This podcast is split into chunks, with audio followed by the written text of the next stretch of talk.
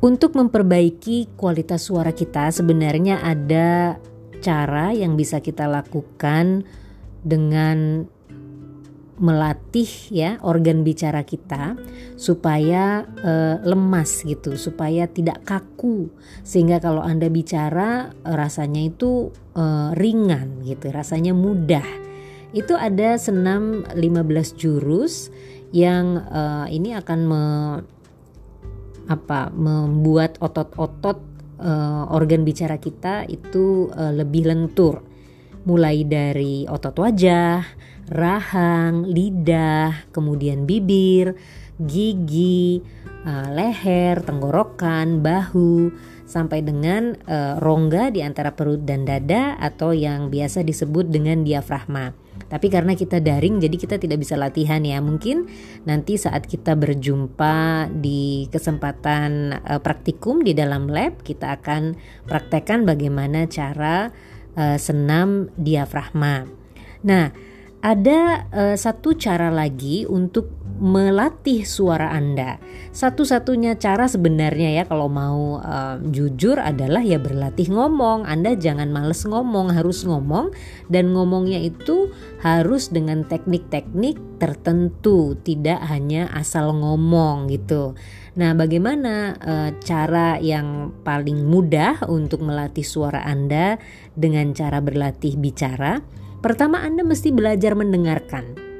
Anda harus mau mendengarkan. Anda nggak boleh uh, lelah mendengarkan orang lain bicara. Anda pelajari di mana kelemahannya, di mana kelebihannya. Anda bisa mengambil role model. Penyiar mana yang Anda sukai, penyiar mana yang Anda uh, nilai uh, dia cukup jadi bisa jadi panutan gitu. Dengarkan atau Anda mencari mentor, Anda mungkin meminta teman Anda untuk menilai suaraku gimana, bagus nggak, bagaimana kalau dibandingkan kemarin. Nah itu adalah sebuah cara untuk berlatih mengolah suara. Jangan segan mendengarkan kritik. Apakah kurang ini, kurang uh, jelas A-nya, kurang jelas S-nya, kurang jelas R-nya gitu ya. Atau mungkin cara pelafalan dalam bahasa Inggris yang kurang sempurna, dengarkan semua kritik yang terkait dengan suara dan bicara Anda. Nah, Anda juga harus bersedia mendengarkan rekaman suara Anda dari waktu ke waktu, supaya Anda me bisa mengenali perbedaan ketika suara Anda uh, Anda rekam seminggu yang lalu dengan suara Anda direkam malam ini misalnya ya. Lalu Anda dengarkan apa perbedaannya? kok yang ini lebih ceria ya waktu itu aku sedang apa ya gitu nah uh, suasana hati memang mempengaruhi bagaimana suara kita akan terdengar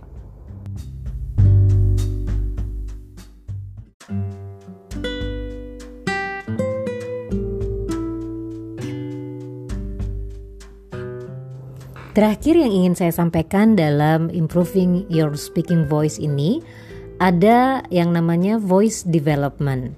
Di slide yang saya sampaikan kepada Anda melalui Elitak itu ada semacam mind map ya. Voice development itu apa sih? Bagaimana sih mengelola suara? Itu ada beberapa uh, cabang untuk menyempurnakan pengembangan suara kita bagaimana suara kita ini bisa diolah. Yang pertama kita harus menetapkan dulu goalsnya. Tujuannya apa kita melatih suara kita ini?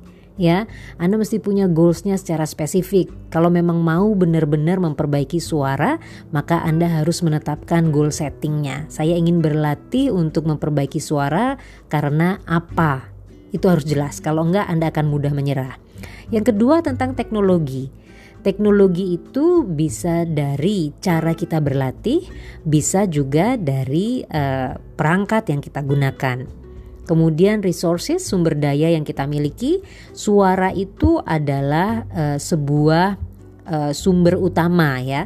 Tapi suara itu juga bisa diperbaiki, direkayasa dengan uh, sumber daya sumber daya lain. Misalnya kita punya sound effect, kita punya uh, ruangan dengan uh, apa uh, yang yang memungkinkan untuk suara kita tidak terdengar cempreng gitu ya. Itu teknologi-teknologi yang memungkinkan kita untuk memperbaiki suara.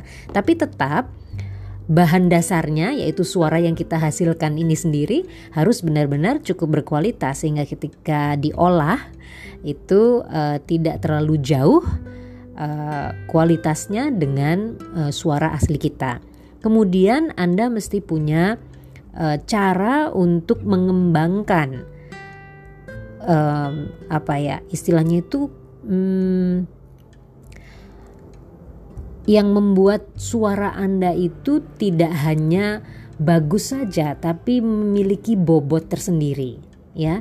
Yang membuat suara orang itu menarik adalah ketika dia bicara Suaranya mungkin biasa-biasa saja, tapi isi bicaranya, pilihan katanya, diksi yang dia gunakan itu menjadi uh, enak didengar gitu, menjadi sesuatu yang mencerahkan, menjadi sesuatu yang worth for reading gitu ya, uh, sorry, word for listening gitu. Jadi uh, layak untuk didengar itu tidak hanya semata-mata suara bagus ya ketika kita, orang bicara itu kita sering kali tidak hanya mendengarkan suaranya sebagus apa tapi apa yang dia bicarakan sehingga kombinasi dari dua hal ini materi konten atau isi pesan yang dia ucapkan ditambah dengan suara yang dia miliki akan menjadi kualitas yang sempurna untuk sebuah message delivery. Di situlah sebenarnya kekuatan suara. Sekian, selamat malam, selamat berlatih. Terima kasih. Assalamualaikum warahmatullahi wabarakatuh.